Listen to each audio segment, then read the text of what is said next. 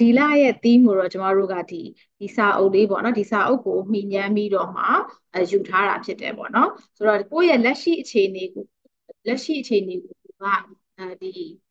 ကိုလုပ်နေတဲ့အရာတွေပေါ်မှာ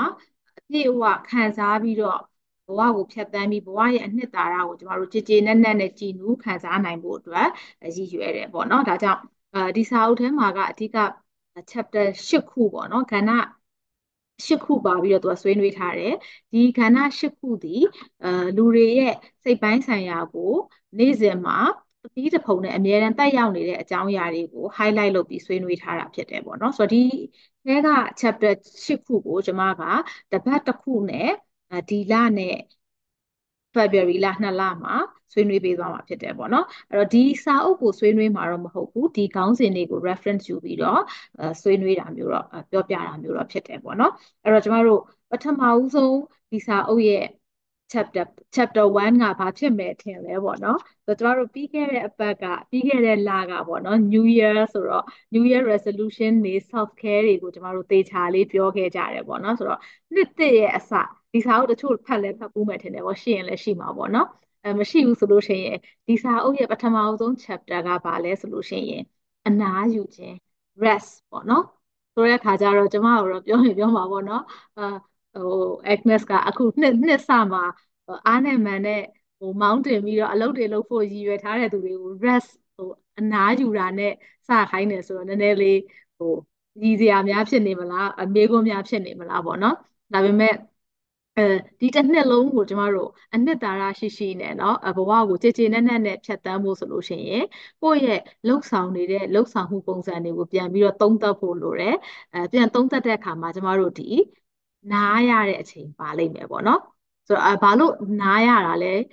ဘလို့နားတာလဲဆိုတဲ့ဟာကိုကျမတို့ဒီနေ့ session လေးမှာနည်းနည်းလေးဆက်ပြီးဆွေးနွေးသွားပြောပြောပြောပြသွားပေးမယ်လေနော်ဆိုတော့ဒီအနားယူခြင်းပေါ့ rest ဒီကျမတို့ဘာဖြစ်လို့အရေးကြီးလဲပေါ့အဲ့တော့ဒီထဲမှာအဲကိုယ့်ဟာကိုမေးခွန်းလေးမေးမယ်ပေါ့နော်ကိုယ့်ဟာကိုပြန်ဖြေကြည့်ပေါ့အဲဘာလဲဆိုလို့ရှိရင် multitask ဆိုတဲ့စကားလုံးနဲ့ကျမတို့ယဉ်နေကြလိမ့်မယ်ပေါ့နော်အထူးသဖြင့် ဒီလုပ်ငန်းခွင်မှာเนาะအဲအလုပ်လုပ်နေတဲ့သူအများစုဆိုလို့ရှိရင်ဒီ multitask နဲ့ယဉ်နေလိမ့်မယ်အဲ့တော့ဟိုလူတွေကအဲ multitask လုပ်ရတာအဲ multitask ကျွမ်းကျင်တယ်ဆိုတဲ့ဟာကိုပုံယူတယ်ကြိုက်တယ်နော်ကိုယ့်ဟာကိုယ်လည်း multitask ကောင်းအောင် multitasking ဖြစ်နိုင်အောင်ကျမတို့လုပ်ကြရတယ်ပေါ့။ပြီးလို့ရှိရင်အလုပ်ခေါ်တဲ့သူတွေကလည်း multitask လုပ်နိုင်လားဆိုတဲ့ဟာမျိုး criteria တွေနဲ့ အလုပ်ခေါ်ကြရတယ်ပေါ့နော်။အဲ့တော့ဒီမှာကိုကိုကိုလည်းမေးကြည့်ပါပေါ့။ငါက multitask ကောင်းကောင်းလုပ်နိုင်တဲ့သူပါပေါ့နော်။နောက်တစ်ခုကကြတော့ကျမတို့ကဘာလဲဆိုလို့ရှိရင်အာ busy ဖြစ်နေတယ်နော်။ဆိုတော့ keep busy အာကိုကိုကိုအများအလုပ်ရှုပ်အောင်နေတယ်အလုပ်ရှုပ်ခြင်းအဖြစ်ဂုဏ်ယူတတ်ကြတယ်ဟုတ်လားမသိဘူးเนาะဆိုတော့အဲကျွန်မကတော့တခုပါပေါ့တော်တော်ကြာပါပြီဒီတော်တော်ကြာပြီဆိုတာကဒီ counselor career ရွေးပြီးနောက်ပိုင်းမှာကျွန်မဆက်ဆက်မှုတစ်ခုနဲ့ပေါ့နော်ကိုယ့်ဘာကိုတတိထားပြီးတော့ပါလုပ်လေးရှိတယ်ဆိုလို့ရှိရင်ကျွန်မကို busy ဖြစ်နေလားပြောရင်ကျွန်မငကိုကလည်းမကြိုက်ဘူးဒါပေမဲ့ကျွန်မအဲ့ဒီစကားလုံးလေးကိုပြောင်းသုံးမိတာတော့ဒီနောက်ပိုင်းမှာပေါ့နော်အဲ့တော့ကျွန်မ busy ဖြစ်တယ်ဆိုတဲ့ဟာကိုကျွန်မ healthy ဖြစ်တယ်လို့မထင်ဘူးပေါ့နော်အဲ့တော့ကျွန်မကို busy ဖြစ်လားဆိုလို့ရှိရင်ကျွန်မက I am not busy I'm occupied ပေါ့နော်ဆိုတော့ကိုလုံးဆရာရှိတဲ့ဟာတွေနဲ့တော့ကိုအချိန်ပြည့်နေတယ်ဒါပေမဲ့ busy ဆိုတဲ့စကားလုံးကိုကျွန်မမကြိုက်နေဘူးအလုပ်ရှုပ်နေတာမျိုးမဟုတ်ဘူးပေါ့နော်လုပ်ဆရာတွေတော့ရှိနေတယ်ဟိုအားနေတာလားဆိုတော့ကော်ဖီတောက်ဖို့အတွက်အားတယ်ပေါ့နော်ခရီးထွက်ဖို့အတွက်အားတယ်ပေါ့နော်အဲအဲ့လိုပေါ့ကို့မှာလုပ်ဆရာတွေရှိနေတယ်ဆိုတဲ့ဟာလေးတော့ကျွန်မကြိုက်တတ်တယ်ပေါ့နော်ဒါကတော့ကျွန်မဟို personal ပြောပြတာပါပေါ့နော်အဲ့တော့ကျွန်တော်တို့ဒီဟို good at multitask တို့ busy ဆိုတဲ့စကားလုံးတွေကကိုကိုကိုဂုံယူစွာနဲ့ပြောလေးရှိတဲ့စကားလုံးတွေပေါ့နော် အဲဒီကျမတို့လုပ်ငန်းခွင်မှာပဲဖြစ်ဖြစ်ပတ်ဝန်းကျင်မှာပဲဖြစ်ဖြစ်ပေါ့နော်ဒါပေမဲ့အဲ့စကားလုံးတွေကကျမတို့ကိုတကယ်ပဲအေးချမ်းမှုကျေနပ်မှုပျော်ရွှင်မှုပေးရလားစိတ်ပိုင်းဆိုင်ရာနဲ့ပတ်သက်လို့ရှိရင်အဖြစ်များတဲ့အာစိတ်ပိုင်းဆိုင်ရာအခက်အခဲတွေကဘာတွေဖြစ်မလဲဆိုလို့ရှိရင်အာစိတ်ဓာတ်ကြတာတွေအာစိုးရိမ်မှုလွန်တာတွေเนาะပြီးလို့ရှိရင်သူ့အနောက်မှာဆက်ဆက်ပြီးတော့ပါလာတဲ့ဒီအဲ တခြားစိတ်ပိုင်းဆိုင်ရာအခက်ခဲဒါကအဖြစ်အများဆုံးအမြဲရေဘူးရအဖြစ်လူတွေအမြဲနေတူကရင်ဆိုင်ရနိုင်တဲ့စိတ်ပိုင်းဆိုင်ရာအခက်အခဲတွေပေါ့နော်ဥပမာဟိုခန္ဓာကိုယ်အဖြစ်ဆိုလို့ရှိရင်ခေါင်းကိုက်ပိုင်းတာအဖြစ်များသလိုမျိုးစိတ်ပိုင်းဆိုင်ရာမှာလည်းဒီစိတ်ဓာတ်ကြတယ်လို့စိုးရိမ်လို့နေဆိုတဲ့ဟာတွေကအဖြစ်လွယ်ကြတယ်ပေါ့နော်ဟိုဖြစ်တဲ့ degree အဖြစ်ပြင်းအားအဖြစ်နဲရာကနေပြီးတော့ဟိုပြင်းပြီးတော့ဟိုdisorder ပေါ့နော်စိတ်ယောဂအထိဖြစ်သွားတဲ့အခြေအနေမျိုးထိရှိနိုင်တယ်အကောင်းကြိုက်တဲ့ပိုင်းနာတာမှလည်းအဲ့လိုပဲလေနော်ရိုးရိုးတာမန်ကောင်းကြိုက်တာကနေဟိုတအားဟိုမှာဟိုမခံမရနိုင်အောင်နော်ဟိုခေါင်းကိုက်ပြီးစေကန်းပြရတဲ့အခြေအနေမျိုးရှိနိုင်သလိုဒါမှမဟုတ်လို့ရှိရင်လည်းတာမန်ဘိုက်အောင်နေရာကနေပြီးတော့အစာအိမ်ယောဂဖြစ်တဲ့အထိเนาะဒါမှမဟုတ်လို့ရှိရင်လည်း တခြားအစာရည်နဲ့ဥဒန်းကြောင်းမှာဖြစ်တဲ့ရှိတဲ့ဖြစ်တတ်တဲ့ယောဂါတွေဖြစ်တဲ့အထိဖြစ်သွားနိုင်တာမျိုးတွေရှိနိုင်တယ်ပေါ့နော်အဲ့တော့ဒီစိတ်တက်ကြတယ်လို့စိုးရိမ်လို့နေဆိုတဲ့ဟာတွေကအဖြစ်များလေးရှိတဲ့စိတ်ပိုင်းဆိုင်ရာအခက်အခဲတွေဟိုစိတ်အနှောက်အယှက်ဖြစ်ရတဲ့အရာတွေဖြစ်တယ်ပေါ့နော်စိတ်ပိုင်းဆိုင်ရာပြဿနာတွေဖြစ်တယ်ဆိုတော့ဒီ slow ဒီ rest rest ပေါ့နော်ခုနကကျမတို့ဟိုအချိန်ကိုလျှော့လိုက်မယ်နှေးလိုက်မယ်ခုနနားလိုက်မယ်ဆိုတော့ rest ကတကယ်တော့ ဒီတိုင်းကြည့်လို့ရှိရင်နားခိုင်းတယ်ပေါ့နော်အဲနားခိုင်းတယ်နားတာနားတဲ့အတွက်နားဘလို့နားရမလဲသိဖို့ပဲငါ session လာတက်ရမှာလားဆိုတာမျိုးပေါ့နော်တကယ်တော့ကျမတို့နားရတာမလွယ်ပါဘူး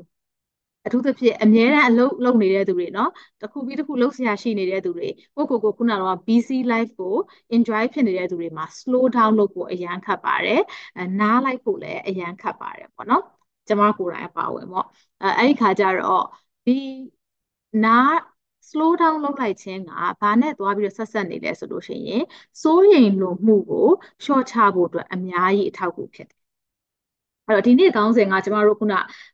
slow down လုပ်ရမယ်ပထမ chapter ကဒီတစ်ပတ်အတွက် rest ဆိုပေမဲ့တကယ်တော့ကျမတို့ဒီ rest ကိုလုပ်ရခြင်းရဲ့အနောက်က underlying ပေါ့နော်ရည်ရွယ်ချက်ကဘာလဲဆိုလို့ရှိရင် anxiety ကိုလျှော့ချဖို့ဖြစ်တယ် နှစ်တစ်နှစ်ရဲ့အစမှာကျမတို့စိုးရိမ်ပူပန်မှုတွေအများကြီးရှိနိုင်တယ်ဥပမာ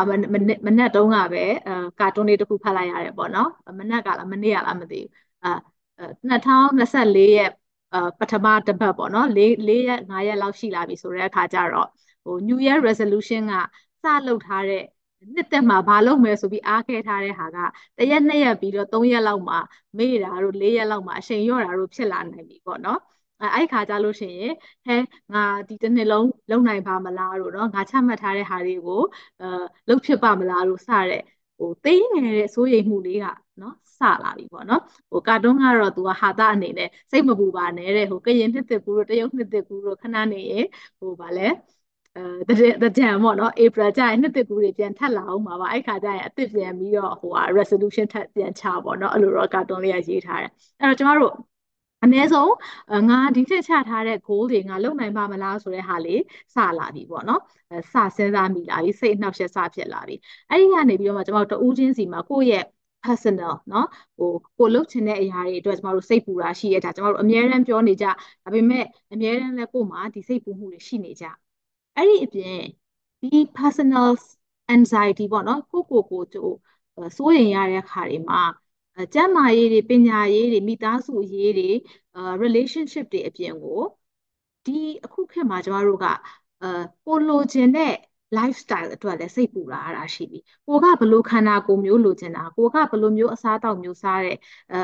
ပုံ diet မျိုးစားချင်တာပေါ့နော်ဒါမှမဟုတ်လို့ရှိရင်ကိုယ့်ရဲ့ဝတ်စားစင်ရင်စင်ရင်ပုံပေါ့နော်အဲဒီ fashion အရာပေါ့နော်အစရှိတဲ့ ဒီလိုမျိုးကိုကိုယ့်ရဲ့ခန္ဓာကိုယ်ကိုဘလို့ဘလို့ခန္ဓာကိုယ်မျိုးကိုလိုချင်တာဒါမျိုးလေးတွေလည်းကျမတို့မှာတဦးချင်းစီမှာဟို expectations လေးတွေရှိတယ်အဲ့ဒါတွေနဲ့ပတ်သက်ပြီးကျမတို့တွေ plan နေချကြတယ်လုပ်ချင်တာတွေရှိတယ်အဲ့ဒီပေါ်မှာလုပ်ဖို့အတွက်အခွင့်အရေးမပေးတာတွေအခြေအနေပြောင်းလဲသွားတာတွေဖြစ်တဲ့အခါကျမတို့စိုးရိမ်နေဖြစ်ပါမလားစိတ်ပူကြတယ်နော်အဲ့မှာမှခုန စိတ်ဖိစီးမှုဖြစ်ခြင်းဖြစ်မယ်ဟို depress ဖြစ်ခြင်းလည်းဖြစ်မယ်ပေါ့နော်ကိုယ့်ရဲ့ expectations အရာစိတ်ကိုအများကြီးလှုပ်ရှားမှုတွေရိုက်ခတ်မှုတွေခုနစိုးရိမ်လိုမှုတွေအထိရောက်သွားနိုင်တယ်ပေါ့နော်အဲ့တော့ဒီဟာတွေကိုပြန်ပြီးတော့ adjust လုပ်ဖို့ဆိုလို့ရှိရင်ပြန်ပြီးကိုကိုကိုကိုပြန်သတိထားဖို့ပြန်ထိန်းညှိဖို့ဆိုလို့ရှိရင်ဒီစိတ်ပိုင်းဆိုင်ရာနဲ့ပတ်သက်လို့ရှိရင်ဘာပြောထားလဲဆိုရင်လူလူတွေကကိုယ့်ရဲ့အတိတ်ကို နော်ကိုမလုတ်ခဲ့မိတဲ့အရာတွေကိုပြန်ပြန်ပြီးစဉ်းစားမိတဲ့အခါမှာဒီစိတ်ကြရခြင်းပေါ့နော်စိတ်စိတ်တက်ကြရခြင်းစိတ်တက်ကြရခြင်းကနေမှစိတ်ကြဝေဒနာအထိဖြစ်သွားတယ်ပေါ့နော်ဒီ depressive အာ depression ရသွားတဲ့အထိ ဖြစ်သွားတာဒီကိုယ့်ရဲ့အတိတ်ကိုပြန်ပြန်ပြီးတော့ခုနကိုပြီးခဲ့တဲ့အရာတွေကိုပြန်ပြန်ပြီးတော့ကြည်မိနေတဲ့အခါမှာဖြစ်တယ်ပေါ့နော်အဲအဲ့လိုပဲဒါတာဂျေဘူးရအဖြစ်ပြောတာနော် depression ဒီ not not only that ပေါ့နော်ဒီအတိတ်ကိုပြန်ကြည့်ရတခုတည်းကြောင့်တော့လည်းမဟုတ်ဘူးပေါ့နော်ဒါပေမဲ့ရေဘူးရအဖြစ်နေ့စဉ်မှာကိုယ့်ရဲ့အတိတ်ကအရာတွေကိုပြန်ပြန်စဉ်းစားပြီးတော့ငါဒီလိုလုပ်ခဲ့ရင်ကောင်းတာပေါ့နော်အဆရှိတဲ့ဟာတွေနဲ့စဉ်းစားမိတဲ့အခါမှာစိတ်ကြကြတာမျိုးဖြစ်တယ် အဲ့လိုပဲမဖြစ်ရသေးတဲ့အရာတွေကိုကျမတို့ကပူတယ်။အော်အဆင်ပြေပါမလား။နော်မနေ့ပြန်လုပ်ရတဲ့အရာအဆင်ပြေပါမလား။နောက်နေ့လုပ်ရမယ့်အရာအဆင်ပြေပါမလား။လုပ်အသစ်ကအဆင်ပြေပါမလား။နော်အဆရှိတဲ့အဆင်ပြေပါမလားဆိုတော့အရှိအရှိကိုတွေးလိုက်တဲ့အခါကျလို့ရှိရင်ကျမတို့ကအာ anxiety ပေါ့နော်စိုးရိမ်ပူပန်မှုတွေဖြစ်အဲ့တော့အဲ့ဒီအရာနှစ်ခုကိုကျမတို့ကရှေ့ကိုလည်းတွေးမပူပဲနဲ့အနောက်ကိုလည်းခဏခဏပြန်မကြည့်မိအောင်ဘာလုပ်လို့ရလဲဆိုလို့ရှိရင်လက်ရှိ present moment ပေါ့နော်လက်ရှိအခြေအနေကိုကျမတို့ပြန်ပြန်ပြီးတော့အာယုံစိုက်နိုင်အောင်ကိုယ့်ရဲ့ mind ကိုကိုယ့်ရဲ့အုံနောက်ကိုတွေးပုံပေါ့နော်ကိုယ့်ရဲ့အတွေးကိုပြန်ပြီးကျမတို့က train လုပ်လို့ရတယ်ပေါ့နော်ပြန်လေ့ကျင့်ယူလို့ရတယ်အဲ့တော့ကိုယ့်ရဲ့အုံနောက်ထဲမှာ negative ပေါ့အပြုသဘောမဆောင်တဲ့အဆိုးအဆိုးတွေကိုတွေးမိနေမယ်ဆိုလို့ရှိရင်ကိုယ်အုံနောက်ကအဆိုးတွေနဲ့ပဲပြည့်နေမှာပေါ့နော်အဲ့လိုပဲကိုယ့်ရဲ့အုံနောက်ထဲမှာ ကောင်းတဲ့အရာတွေကိုစဉ်းစားမိမယ်ဆိုလို့ရှိရင်ကောင်းတဲ့အရာတွေနဲ့ပဲပြည့်နေမှာပေါ့နော်ဆိုတော့အဲ့ဒါကိုကျွန်မဒီစာအုပ်ထဲကကုတ်လေးတစ်ခုကျွန်မဖတ်ပြချင်တယ်ပေါ့နော်သူရေးထားတာကကိုယ့်ရဲ့အုံနောက်ထဲမှာကဒီ negative thoughts တွေနဲ့အာပြည့်နေမယ်ဆိုလို့ရှိရင်ကိုကလည်းကဘာကြီးကိုကိုယ့်ရဲ့ပတ်ဝန်းကျင်ပေါ့ကဘာကြီးဆိုတော့ကိုယ့်ရဲ့ပတ်ဝန်းကျင်ကို negative အနေနဲ့ပဲမြင်လိုက်တယ်တဲ့အဲ့ဒီခါကျတော့ကျမတို့ကကိုယ့်ကိုယ်ကိုဘာပြန်သတိပေးရမလဲဆိုလို့ရှိရင်ကိုဒီဘာမှမလုပ်နိုင်တဲ့သူမဟုတ်ဘူး powerless မဟုတ်ဘူးပေါ့နော်ကို့မှာလုံနိုင်တဲ့အရာရှိတယ်အဲ့ဒါကဘာလဲဆိုလို့ရှိရင်ကိုဒီကိုယ့်ရဲ့အုံနောက်ကို when you rest your mind the world will also rest ပေါ့နော်သူက when your mind rest the world also rest ပေါ့ဆိုကိုယ့်ရဲ့အုံနောက်ကိုကိုကအနာပေးမယ်ဆိုလို့ရှိရင်ကိုဘေးကကဘာကြီးကလည်းကိုကြုံနေရတဲ့ကိုပတ်ဝန်းကျင်ကလည်းနားဖြစ်လိမ့်မယ်ပေါ့နော်အဲ့တော့ကျမတို့ကိုယ်တိုင်ကိုကိုကိုကိုကိုဘယ်လောက်ထိအချိန်လျှော့လိုက်ပြီးတော့နားဖို့ လွယ်ကူလဲဘယ်လောက်ထိခက်ခဲလဲပြန်ပြီးတော့မေးကြည့်ပါအဲ့တော့ကိုဒီဒီငြိမ်လိုက်ဖို့ဘာလို့ခက်ခဲလဲဆိုလို့ရှိရင်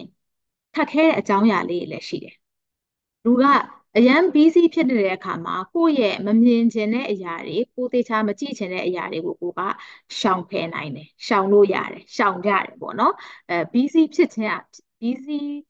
အလုရှုပ်နေခြင်းအဖြစ်ကိုမလုချင်တဲ့အရာတွေကိုကျမတို့ကမသိချင်အောင်ဖယ်ထားကြတယ်အဲ့တော့ကျမတို့ဟိုအခန်းထဲမှာပဲကြည့်ကြည့်ပေါ့နော်ကိုကိုအခန်းထဲမှာပဲကြည့်ကြည့်ပေါ့ကိုအမြဲအလုရှုပ်နေတဲ့အခါမှာအခန်းထဲမှာဘာပစ္စည်းဘလို့ပွားနေလဲအကိုအလိုမကျတဲ့ပုံဘလို့ရှိနေလဲကိုမကြည့်မိဘူးသတိမထားမိဘူးအဲဒါပေမဲ့အလုံးမရှုပ်ဘဲနဲ့အခန်းရဲ့တနေရာမှာကိုကထိုင်ပြီးတော့ခဏနားလိုက်မယ်ဆိုလို့ရှိရင်အော်ဒါလေးကဒီလို အဲဒါကတော့ဖုန်တက်နေတယ်เนาะအဲဒီပစ္စည်းတွေကတော့ငါရွှေ့ရမှာအော်ဒီပစ္စည်းတွေကတော့ပြည့်ရမှာဘာလုပ်ရမလဲဆိုလို့ရှိရင်အဲအလုပ်ထားလုပ်ရတော့မယ်ဒီဒီဒီကိုကိုသတိမထားမိပဲနေတဲ့ကိုယ့်ရဲ့တကယ်အိမ်ကိုယ့်ရဲ့စိတ်ဆိုလို့ရှိရင်လည်းကိုယ့်ရဲ့အတွင်းစိတ်ပေါ့နော်ဒီနေရာကိုကိုကမကြည့်ပဲနဲ့အပြင်ကိုပဲအဲအလုပ်ရှုပ်နေတဲ့အခါမှာကိုယ့်ရဲ့ ဒီခက်ခဲနေတဲ့အရာတွေကိုကျမတို့မမြင်ရဘူးအစင်မပြေနေတဲ့ရှုပ်ထွေးနေတဲ့အရာတွေကိုမမြင်ရဘူးငြိမ်လိုက်ပြီဆိုလို့ရှိရင်ဒါတွေကိုမြင်ရပြီမြင်ရတဲ့အခါမှာအိမ်ထရှင်းမလားကော်ဖီထဖြော်ပြီးတော့ကော်ဖီတောက်လိုက်မလားပေါ့နော်အဲဒါမှမဟုတ်လို့ရှိရင်အလုပ်တစ်ခုထားလုပ်လိုက်မလားဆိုတော့ဒီအိမ်ထရှင်းလိုက်ရမယ့်ဟာကိုလုပ်ချင်တဲ့အရာဆိုတော့တစ်မျိုးပေါ့နော်အများသောအားဖြင့်ငြိမ်သွားတဲ့အခါမှာကျမတို့ကကိုယ့်ရဲ့ unpleasant emotion တွေကိုသတိထားမိတယ်ကိုမလိုချင်တဲ့ကိုမကြိုက်တဲ့သတိအဲကို ကိုကိုမကြိုက်တဲ့ပေါ့နော် unpleasant ဖြစ်တဲ့ emotions တွေကိုသတိထားမိတယ်အဲ့ဒီ unpleasant emotions တွေနဲ့စကားပြောရမှာဆွေးနွေးရမှာကိုကိုကိုနဲ့ဆွေးနွေးရမှာဒါအများစုလည်းကြားဘူးလိမ့်မယ်လေနော်သူများအကြောင်းကိုပြောပြလိုက်ရတာကျမတို့ပို့ပြီးတော့လွယ်ကူတယ်နော်ကိုကိုကိုအကြောင်းပြန်သုံးသပ်ရတဲ့ဟာခက်ခဲတယ်အဲ့ခါကျတော့ကျမတို့က keep busy လုပ်နေတယ် slow down မလုပ်လိုက်ဘူး slow down လုပ်ပြီးတော့ကိုကိုကိုပြန်ကြည့်ဖို့အတွက်အချိန်မပေးဘူးဘာလို့လဲဆိုတော့ ကိုကိုကိုပြန်ကြည့်တဲ့အခါမှာခုနကတော့ကကိုမလိုချင်တဲ့ unpleasant emotion တွေရှိလာတယ်ကိုမတွေးချင်တဲ့အရာတွေရှိလာတယ်ဒါတွေကိုကျမတို့ရှောင်ဖို့အတွက် slow down မလုပ်ဖဲနဲ့ keep busy လုပ်ရကနေအကျင့်ပါသွားတတ်ကြတယ်ပေါ့နော်အဲ့တော့ကျမတို့ဒီကိုယ့်ရဲ့နေ့တူဝမှာစိုးရင်ပူပန်မှုတွေကနေပြီးတော့လျှော့ချဖို့အတွက်ဆိုလို့ရှိရင်နေ့စဉ်လုပ်နေတဲ့အရာတွေကို နည်းနည်းလေးအချိန်လျှော့လိုက်မယ်အဲ့ဒီမှာအချိန်လျှော့လိုက်တယ် slow down slow down ပြောနေတယ် rest လို့ပြောတယ်ဒီနားလိုက်တယ် slow လုပ်လိုက်တယ်ဆိုတဲ့ဟာရဲ့အတိတ်ပဲကဘာလဲဆိုလို့ရှိရင်ကိုလုံနေတဲ့အလုပ်တွေကိုနားပြီးတော့ coffee ထိုင်တောက်လိုက်တာကိုလုံနေတဲ့အလုပ်တွေကိုနားပြီးတော့စာအုပ်ထိုင်ဖတ်လိုက်တာကိုလုံနေတဲ့အလုပ်တွေကိုနားပြီးတော့တငယ်ချင်းစီသွားလိုက်တဲ့နားခြင်းမျိုးမဟုတ်ဘူးဒီမှာနားလိုက်တဲ့အနားတာဒီအရှိန်ကိုလျှော့ပြီးတော့ ကိုလုံနေတဲ့အလုပ်ကိုပဲထဲထဲဝင်ဝင်အာယုံစိုက်ပြီးတော့လုပ်လိုက်ခြင်းဖြစ်တယ်အဲ့တော့သမင်းစားရင်းနဲ့ဖုန်းမကြည့်တော့ဘူးကိုတခုခုလုံးနေရင်းနဲ့တခြားအရာတခုကိုအာယုံမရောက်အောင်လို့တတိထားလိုက်မယ်နော်လုံးစရာတွေရှိတဲ့အရာတွေပေါ်မှာဒီလုံနေတဲ့အလုပ်ကိုကျမတို့ကဘာကိုဘာလုပ်နေလဲဆိုတဲ့ဟာပေါ်မှာ အဲကျမတို့ဒီ mindfulness အရာဆိုလို့ရှင်တော့အာယုံ၅ပါးလုံးနဲ့ခံစားပြီးတတိထားပြီးတော့လုပ်လိုက်တယ်အဲ့ဒီအခါမှာလက်ရှိ present moment မှာစိတ်ကပုံရောက်သွားတယ်ဒီတစ်ခုလုပ်နေရင်လည်းကလေးကိုကြောင်းကြိုရမှာလားကျူရှင်ပို့ရမှာလားအဲမနှက်ပြန်ဘာ meeting ရှိလဲဆိုတဲ့ဟာကိုစဉ်းစားတာမဟုတ်ဘဲနဲ့လက်ရှိလုပ်တဲ့အရာမှာပဲကျမတို့ကထဲထဲဝင်ဝင်နဲ့အာရုံစိုက်လိုက်ခြင်းဖြစ်တယ်အဲ့တော့ဒီစိုးရိမ်ပူပန်မှုကို short ချဖို့ဆိုလို့ရှိရင်လည်းရေးထားတဲ့เนาะအဲ ပညာရှင်တွေတော်တော်များများ psychotherapist တွေ psychologist တွေတော်တော်များများရေးထားတဲ့ဒီ guideline တွေမှာဆိုလို့ရှိရင် grounding လက်ရှိအခြေအနေနဲ့ပြန်ပြီးတော့ grounded ပေါ့နော်ချိတ်ဆက်လိုက်တယ် slow down breathing เนาะအသက်ရှူလေးခြင်းခံလုပ်လိုက်တယ်ကိုယ့်ရဲ့စိတ်ကိုဒီဖြစ်နေတဲ့အရာနဲ့ကိုယ့်ရဲ့ဒီစိတ်လှုပ်ရှားမှုနဲ့ကြားထဲမှာ cushion တစ်ခုခံပေးဖို့လိုတဲ့အခါမှာကျမတို့ကအရှိန်လျှော့လိုက်တယ် ဒီလိုအရှိန်လျှော့လိုက်ခြင်းအဖြစ်ကိုလုပ်နေတဲ့အရာပေါ်မှာဒီဟာကိုငါအရင်ပြီးအောင်လုပ်မယ်အဲဒီအရာဒီငါကိုစိတ်ရှုပ်စေတာလားခက်ခဲစေတာလားစိန်ခေါ်နေတာလားချက်ချင်းမတုံ့ပြန်မဲနဲ့ကျမတို့ကဒါကိုကိုဘလို့တုံ့ပြန်မလဲဆိုတော့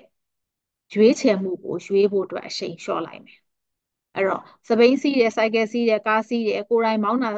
စီးတာမဟုတ်ရင်တော့မှလိုက်စီးမှုတယ်လေနော်အဲ့ခါကြလို့ရှိရင်ဟိုအရှိန်နဲ့သွားနေတာထက်အရှိန်လျှော့လိုက်တဲ့အခါမှာဒီနားမှာဘာရှိလဲငါဒီနားမှာရက်ဖို့လို့လားဒီနားမှာ꿰ဖို့လို့လားကိုက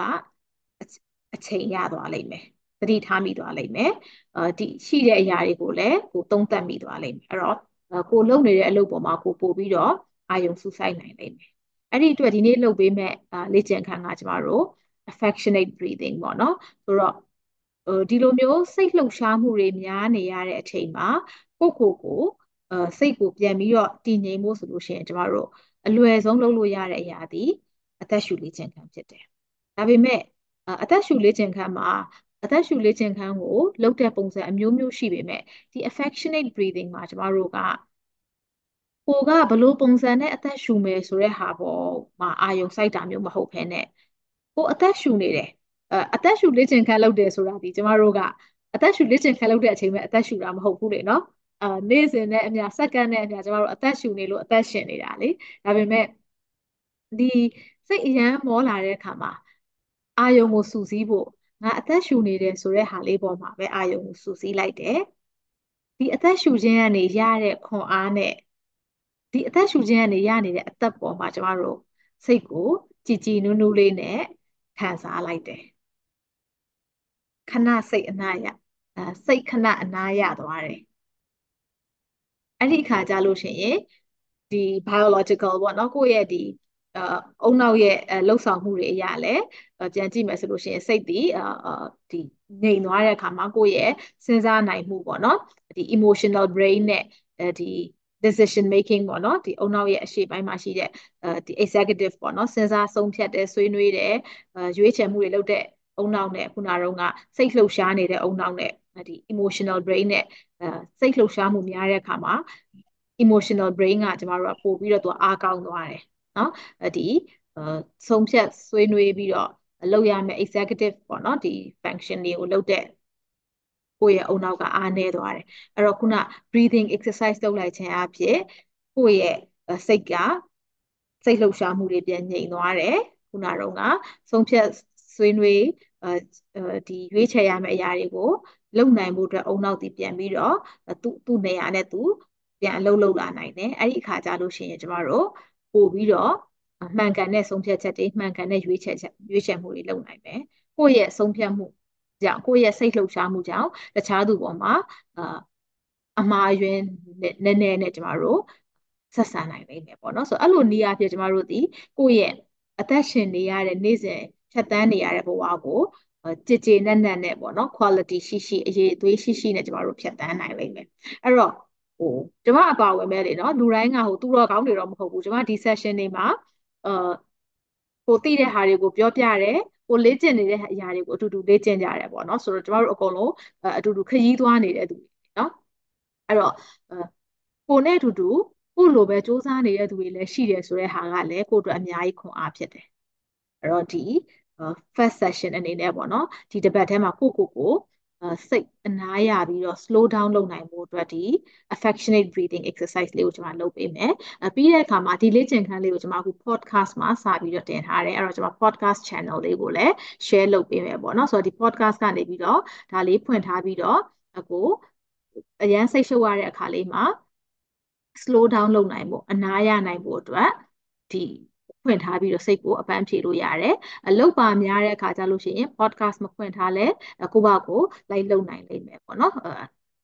ကျင့်သားရသွားလိမ့်မယ်ပေါ့နော်ဆိုတော့ဒါကတော့ဒီ first week ပေါ့နော် first week ရဲ့အစ first chapter ပေါ့ဆိုတော့နောက်တစ်ပတ်နောက်တစ်ပတ်တွေမှာလည်းဒီစာအုပ်ထဲမှာတချို့စာအုပ်ရှိတဲ့သူတွေဆိုလို့ရှိရင်လည်းဘာ chapter တွေပါလဲသိတယ်ပေါ့နော်အဲ့တော့အကယ်လို့စာအုပ်မရှိတဲ့သူတွေအတွက်က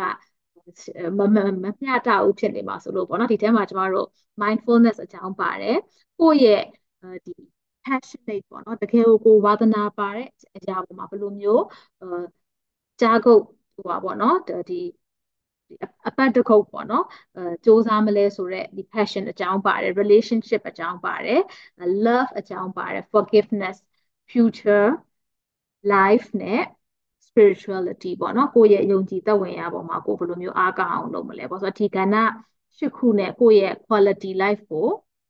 ပုံဖော်နိုင်ဖို့အတွက်အဲကျမတို့ဒီဒီနှစ်လတာကိုပေါ့နော်အဲအကယ်လို့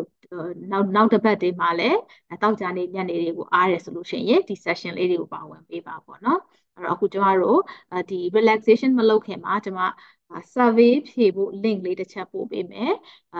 ပါဝင်နေတဲ့သူတွေအဆင်ပြေရင် survey လေးတစ်ချက်ဖြည့်ပေးပါနောက်ထပ် link တစ်ခုကတော့ကျမတို့ဒီ relaxation တွေကို podcast လုပ်ထားတဲ့ podcast link ပါဒီ podcast ထဲမှာကျမဒီ relaxation တွေအကုန်လုံးကိုဒီတစ်ပတ်ထဲမှာတစ်ခုပြီးတစ်ခုထပ်ဆက်ပြီးတော့တင်ပေးသွားပါမယ်ပေါ့နော်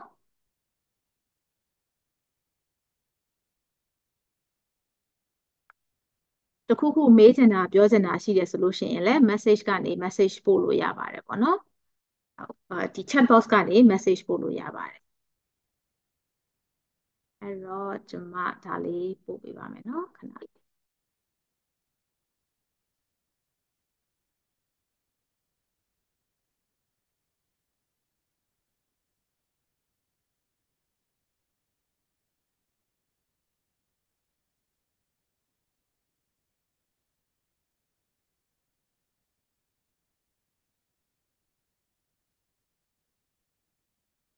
အဲ့တော့ Spotify ထဲမှာလေကျမတို့အာ let's get relax ပေါ့နော်အာဒီမှာကျမနာမည်လေးရေးပေးလိုက်ပါမယ် let's get relax with serenity ဆိုတဲ့ခေါင်းစဉ်လေးနဲ့လည်းရှာလို့ရပါတယ်မမို့ရင်ဒီ link လေးကိုဒီ link လေးကနေပြီးတော့လည်း click လုပ်လိုက်လို့ရပါတယ်ပေါ့နော်အာနောက်တစ်ခုကကြတော့ ပုံမှန်အထူးသဖြင့်ပေါ့နော်ပုံမှန် join နေတဲ့သူလေးတွေကျမတို့ကိုဒီ survey လေးဖြည့်ပြီးတော့တစ်ချက်လောက်အဆင်ပြေမယ်ဆိုလို့ရှိရင်ကူညီပေးပါပေါ့နော်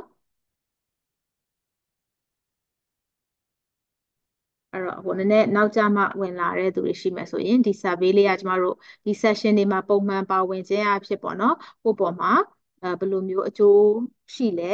ကိုယ့်ရဲ့စိတ်ပိုင်းဆိုင်ရာဘယ်လိုအထောက်အကူဖြစ်လဲဆိုတဲ့ဟာလေးကိုသိဖို့အတွက်လုပ်ထားတဲ့ survey လေးဖြစ်ပါတယ် အာစာအုပ်နာမည်ကဒီ Hipin Sunim ရေးထားတဲ့ The Things you can see when you slow down ကျွန်မစာရိုက်ရိုက်ပေးပါမယ်เนาะခဏလေးပါ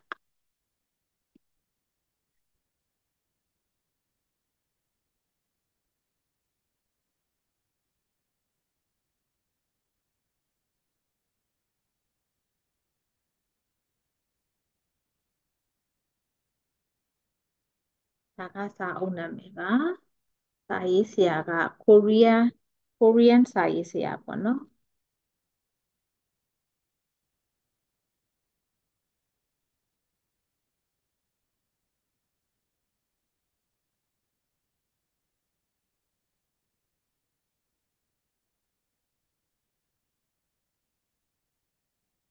โอเคပါ အဲ chat box မှာကျမကိုမေးခွန်းမေးချင်တာရှိရင်အာစာပို့ပြီးမေးလို့ရပါတယ်အဲနောက်နောက်ဟိုပါပေါ့နော်ဒီ Serenity ကနေပြီးတော့လုပ်ပေးစေခြင်းတဲ့အာ topic တွေအာနောက်လာမဟုတ်သေးပေမဲ့လည်းပေါ့နော်ကျမတို့ဒီ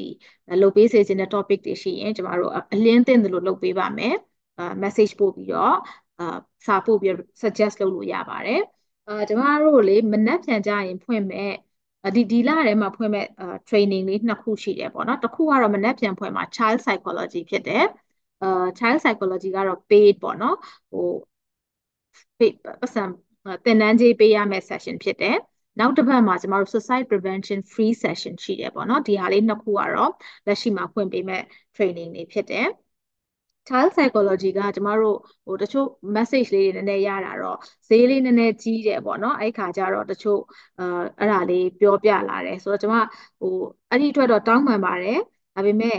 session ကဟိုရက်တူမဟုတ်ဘူးပေါ့နော်ဒီစိတ်ပညာကိုမှဒီကလေးစိတ်ပညာကိုမှကကနနလေးပေါ့နော်ဒီကလေးတွေနဲ့အလုပ်လုပ်နေတဲ့ဆရာဆရာမတွေပဲဖြစ်ဖြစ်မိဘတွေပဲဖြစ်ဖြစ်နောက်ပြီးကြတော့ဒီစိတ်ပိုင်းဆိုင်ရာနယ်ပယ်မှာ အလုပ်လုပ်နေတဲ့သူတွေဟိုတက်နိုင်အောင်လို့ပေါ့နော်ဆိုတော့ဒီ8 weeks ပေါ့နော် sorry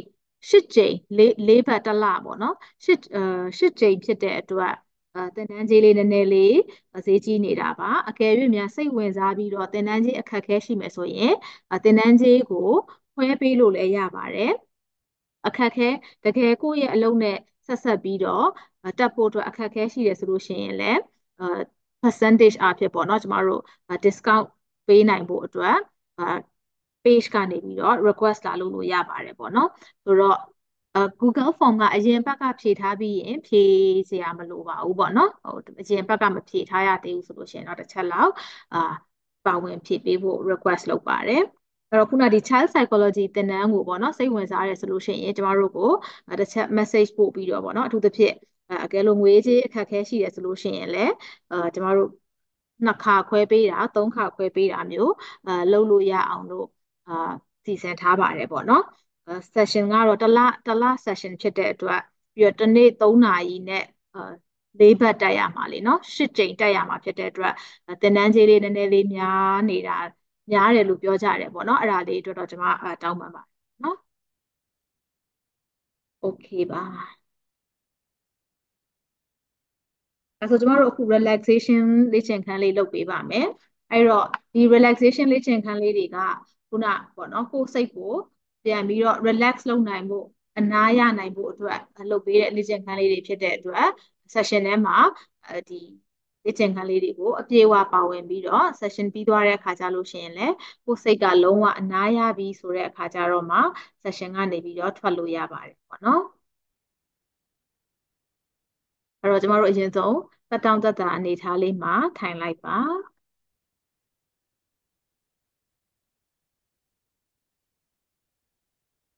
ကိုကိုကိုပြန်ပြီးတော့အာ slow down လုပ်နိုင်ဖို့ပေါ့နော်အဲ့တော့ဟို message ပို့တာလေးတွေအဲနောက်မှပို့ပေးလို့ရပါတယ်ဒီ relaxation အချိန်မှာတော့အာ message မပို့နဲ့အောင်ပေါ့နော်အဲတချို့ဒီမှာစကားဖြတ်ပြောပြရစေအာ တချို့မေးထားတဲ့မေးခွန်းတွေနဲ့ suggest လုပ်ထားတဲ့ခေါင်းစဉ်တွေကိုကျမတို့ emotional support session မှာတော့၎င်းအာ page မှာဟိုတခြား video အနေနဲ့တော့၎င်း content အနေနဲ့တော့၎င်းကျမတို့မတူညီတဲ့ပုံစံတွေနဲ့လည်းပြန်ပြီးတော့ပြောပြရှင်းပြပေးပါမယ်ပေါ့နော်ဟုတ်ကဲ့အဲ့တော့အခုကျမ relaxation လုပ်ပေးတဲ့အချိန်မှာဟို message ပို့တာလေးခဏလေး နားထားလိုက်ပေါ့နော်ပြီးတဲ့အခါကျတော့မှကျမတို့နောက်ထပ်10မိနစ်15မိနစ်လောက်လဲ zoom ဖွင့်ထားတာဖြစ်တဲ့အတွက်အဲ့ချိန်ကြာလို့ရှိရင်အာဒီ message လေးတွေပို့လို့ရပါတယ်ပေါ့နော်ဆိုတော့အခုတော့တက်တောင့်တက်တာအနေထားလေးမှာထိုင်လိုက်ပါကိုယ့်ရဲ့ခန္ဓာကိုယ်ကောကိုယ့်ရဲ့စိတ်ကောနေလို့ကောင်းတဲ့အခြေအနေလေးတစ်ခုမှာအဲ့ဒီအနေအထားလေးတစ်ခုကို စိတ်ကိုရောလူကိုရောပြင်ဆင်လိုက်ပါ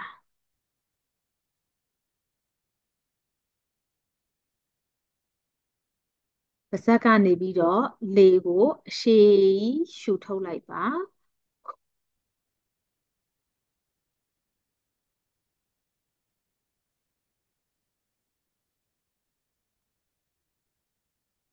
ခဏလေးအချိန်အချိန်ယူပြီးတော့ ကိုယ်စိတ်လေးငြိမ်လာဖို့ကိုယ်ခေါင်းထဲမှာတွေးနေတဲ့အတွေးတွေရှိမယ်အာအခုနကျွန်မပြောလိုက်တဲ့ information တွေစဉ်းစားမိနေတာရှိမယ်အာခဏလေး break ပေးလိုက်ပါ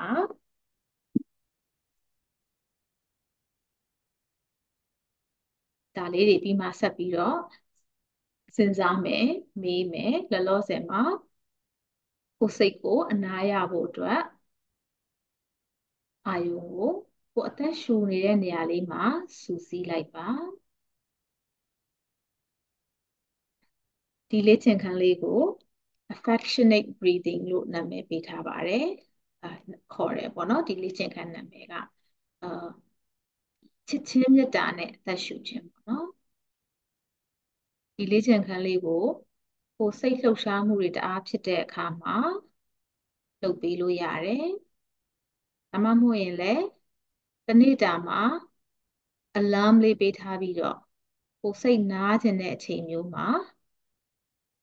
9မိနစ်လောက်ဒီလေ့ကျင့်ခန်းလေးလုပ်ရင်းနဲ့စိတ်ကိုပင်ပန်းနေမှုကနေဘက်ထရီဖုန်းဘက်ထရီပြန်သွင်းလိုက်သလိုပဲအားပြန်ဖြည့်လိုက်လို့ရတယ်ပြီးတဲ့အခါမှာကိုလုပ်တဲ့အရာတွေကိုပြန်ပြီးဆက်လုပ်လို့ရတယ် ကိုအလုပ်တစ်ခုခုလုပ်နေရင်းနဲ့လည်းဒီကိုအသက်ရှူနေတယ်ဆိုတာလေးကိုအာယုံစိုက်ပြီးတော့ကိုအလုပ်ပေါ်မှာသေချာလေးအာယုံစိုက်နိုင်ဖို့အတွက်ဒီအသက်ရှူတာလေးကအထောက်အကူဖြစ်တယ်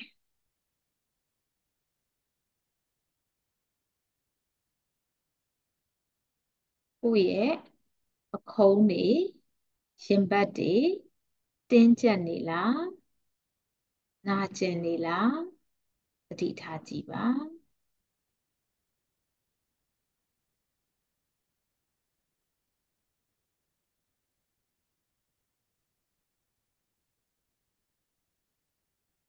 ကိုအသက်ရှူနေတာမှားလားမှန်လားစိတ်မပူပါနဲ့အထူးသဖြင့်အသက်ရှူလေ့ကျင့်ခန်းလုပ်တဲ့အခါမှာပို့ပြီးတော့ မောလာတယ်ဆိုတာမျိုးကျမတို့ကြားရလေးရှိတယ်တကယ်တော့ပုံမှန်ကိုအသက်ရှူနေတာလေးကိုပဲကိုယ်စိတ်မပြန့်လွင့်အောင်အာယုံစိုက်လိုက်ခြင်းဖြစ်တယ်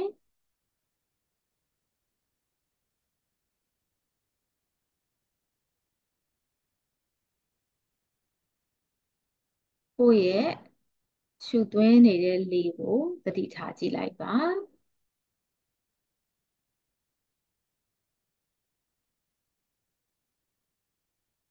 ပြီးရင်ကိုပြန်ရှူထုတ်လိုက်တဲ့လေကိုသတိထားကြည့်လိုက်ပါ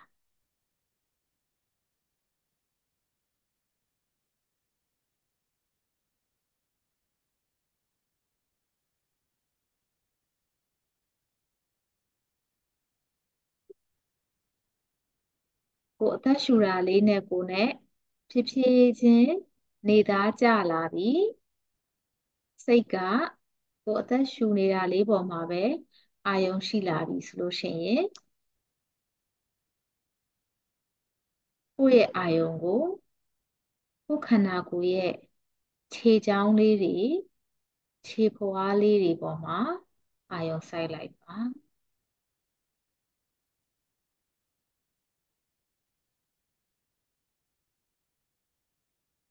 ကိုယ့်ရဲ့ခြေထောက်မှာရှိတဲ့ကြွက်သားလေးတွေနေရတာနေလို့ကောင်းလား အဆင်ပြေလားသတိထားကြည့်ပါ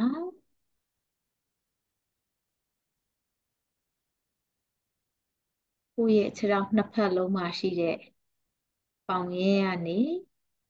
ကိုယ်ခြေချောင်းလေးတွေထိရှိတဲ့ကြွက်သားလေးတွေကိုသတိထားကြည့်ပါဒီကြွက်သားတွေမှာနာကျင်တာ နာတာကိုသတိမထားမိတာခံစားချက်မဲ့နေတာမျိုးတွေရှိလား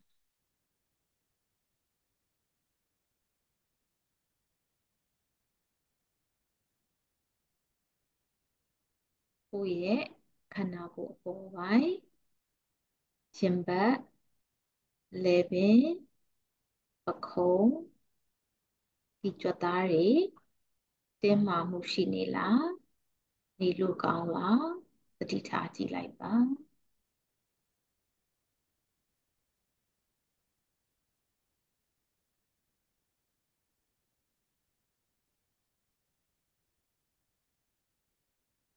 ပြီးတဲ့အခါမှာကျမတို့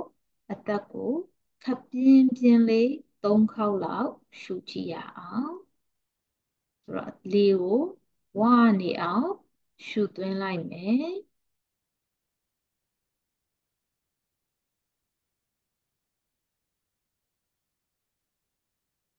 ပြန်ရှူထုတ်လိုက်မယ်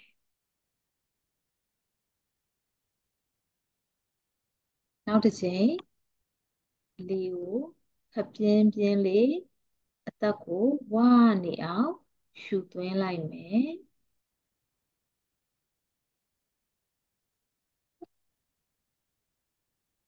ပြီးရင်ပြန်ရှူထုတ်လိုက်မယ်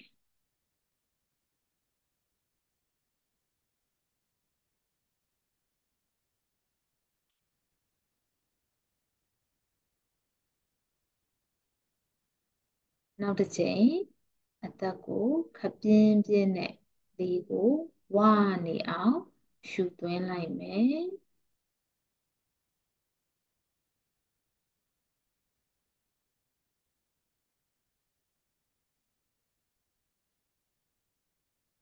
ပြီးရင်ဖြည်းချင်းရှူထုတ်လိုက်မယ်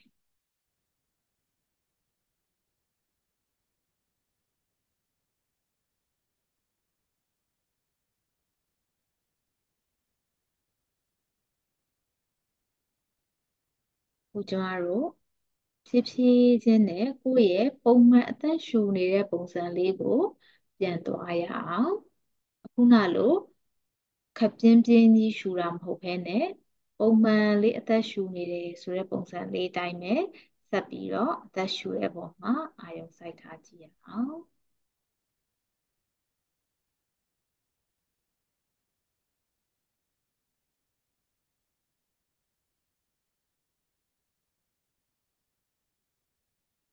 ကိုအသက်ရှူတဲ့အခါမှာကိုယ့်ရဲ့ခန္ဓာကိုယ်ရဲ့ဘယ်အစိတ်ပိုင်းကပိုပြီးတော့ လှုပ်ရှားမှုရှိလဲဆိုတာလေးသတိထားကြည့်ပါဥပမာရင်ဘတ်ကနှိမ့်လိုက်မြင်လိုက်ဖြစ်နေတာလားဝမ်းဘိုက်ကဖောင်းလိုက်ရွေ့လိုက်ဖောင်းလိုက်ပိန်လိုက်ပေါ့နော်ဝမ်းဘိုက်ရွေ့ရှားနေတာလား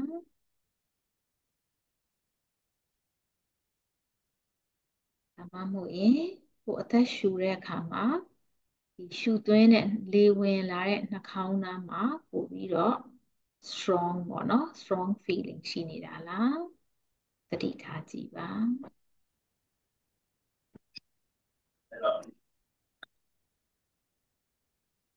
ဒီအသက်ရှူနေတဲ့အခါမှာစိတ်အာရုံကိုအသက်ရှူတဲ့နေရာမှာပဲစူးစီးထားတဲ့အခါမှာခံစားရတဲ့ခံစားချက်လေးကို သတိထားကြည့်ပါ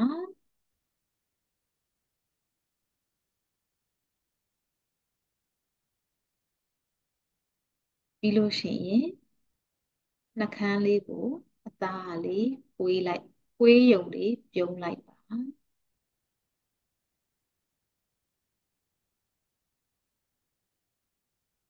အခုလက်ရှိအသက်ရှူရင်းနဲ့ပြုံးလိုက်တဲ့အချိန်မှာ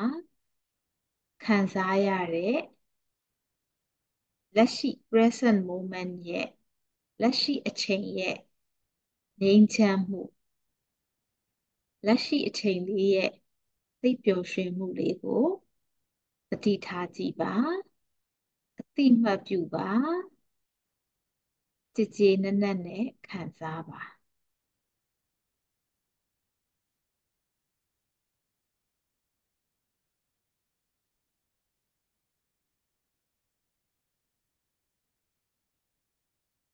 ကိုယ့်ရဲ့အသက်ရှူတာလေးပုံမှန်ရှူသွင်းရှူထုတ်လုပ်နေတာလေးမှာပဲ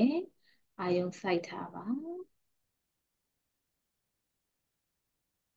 ကိုယ့်ရဲ့စိတ်ကပြန့်လွင့်သွားတယ်ဆိုလို့ရှိရင်လည်းအပြစ်တင်တာမျိုးစိတ်အနှောက်အယှက်ဖြစ်တာမျိုးမလုပ်ဘဲနဲ့တတိရတဲ့အခါမှာကိုလေ့ကျင့်ခန်းလုပ်နေတဲ့ပုံမှာအာယုံပြန်စူးစီးလိုက်ပါ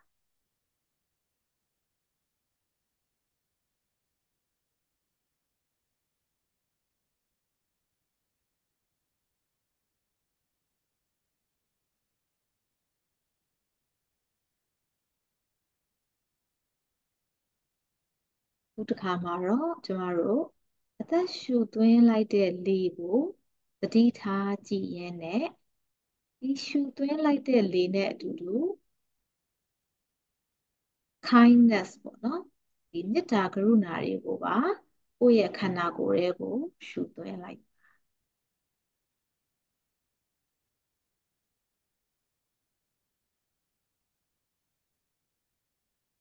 ပြီးတဲ့အခါ ပြန်ရှူထုတ်လိုက်တဲ့လေနဲ့အတူ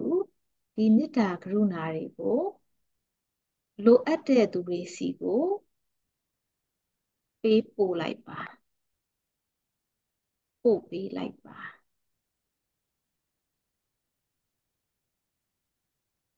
အစမှာလိုက်လို့ရတာစဉ်းစားကြည့်ရတာစဉ်းစားနေကြမဟုတ်တော့အဆင်ပြေချင်မှပြေလိမ့်မယ် ဒါပေမဲ့အဓိကရည်ရွယ်ချက်ကကိုယ့်အတွက်လိုအပ်တဲ့မေတ္တာကရုဏာတွေကိုကိုရှုသွင်းလိုက်တယ်ရှုထုတ်တဲ့လေနဲ့အတူမေတ္တာကရုဏာတွေလိုအပ်နေတဲ့သူတွေအတွက်ကိုပို့ပေးလိုက်တယ်ဒီရည်ရွယ်ချက်လေးနဲ့ပဲသက်ကိုရှုသွင်းတဲ့အခါမှာမေတ္တာကရုဏာတွေကိုရှုသွင်းလိုက်မယ် ပြီးရင်လိုအပ်တဲ့သူတွေစီကိုကိုရှုထုတ်တဲ့လေကနေတဆင့်ပို့ပေးလိုက်မယ်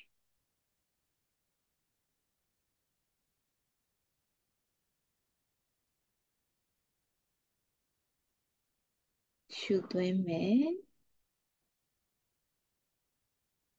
ပြန်ရှုထုတ်လိုက်မယ်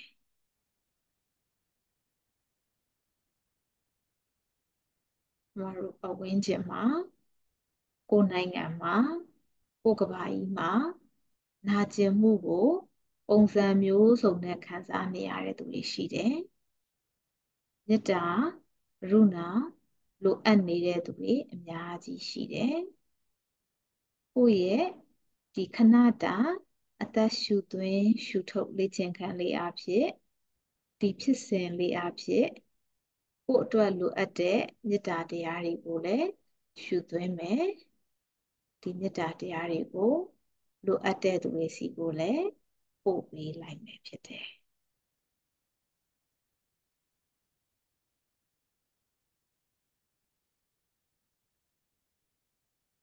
ပုံမှန်ဒီအသက်ကိုရှုသွင်းရှုထုတ်ပုံမှန်လေးလုပ်ပေးပါ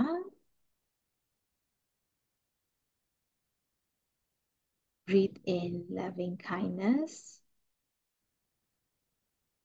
breathe out loving kindness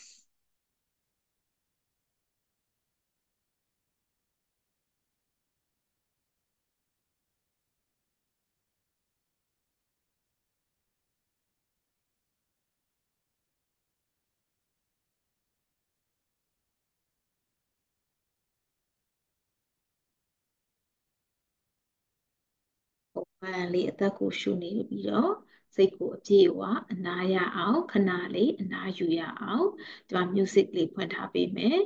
စိတ်ကိုအပြည့်အဝအနားယူပြီးတော့မှ session တွေကနေဒီ flow လို့ရပါတယ်နောက်တစ်ပတ်ဒီမှာလည်းကျမတို့မတူညီတဲ့လေ့ကျင့်ခန်းလေးတွေနဲ့စိတ်ကိုအနားရစေမဲ့စိတ်ကိုပြန်ပြီးတော့အပန်းဖြေစေမဲ့လေ့ကျင့်ခန်းလေးတွေလုပ်ပေးမှာဖြစ်ပါတယ်။အာဒီနေ့တော့အားလုံးကို good night ပါ။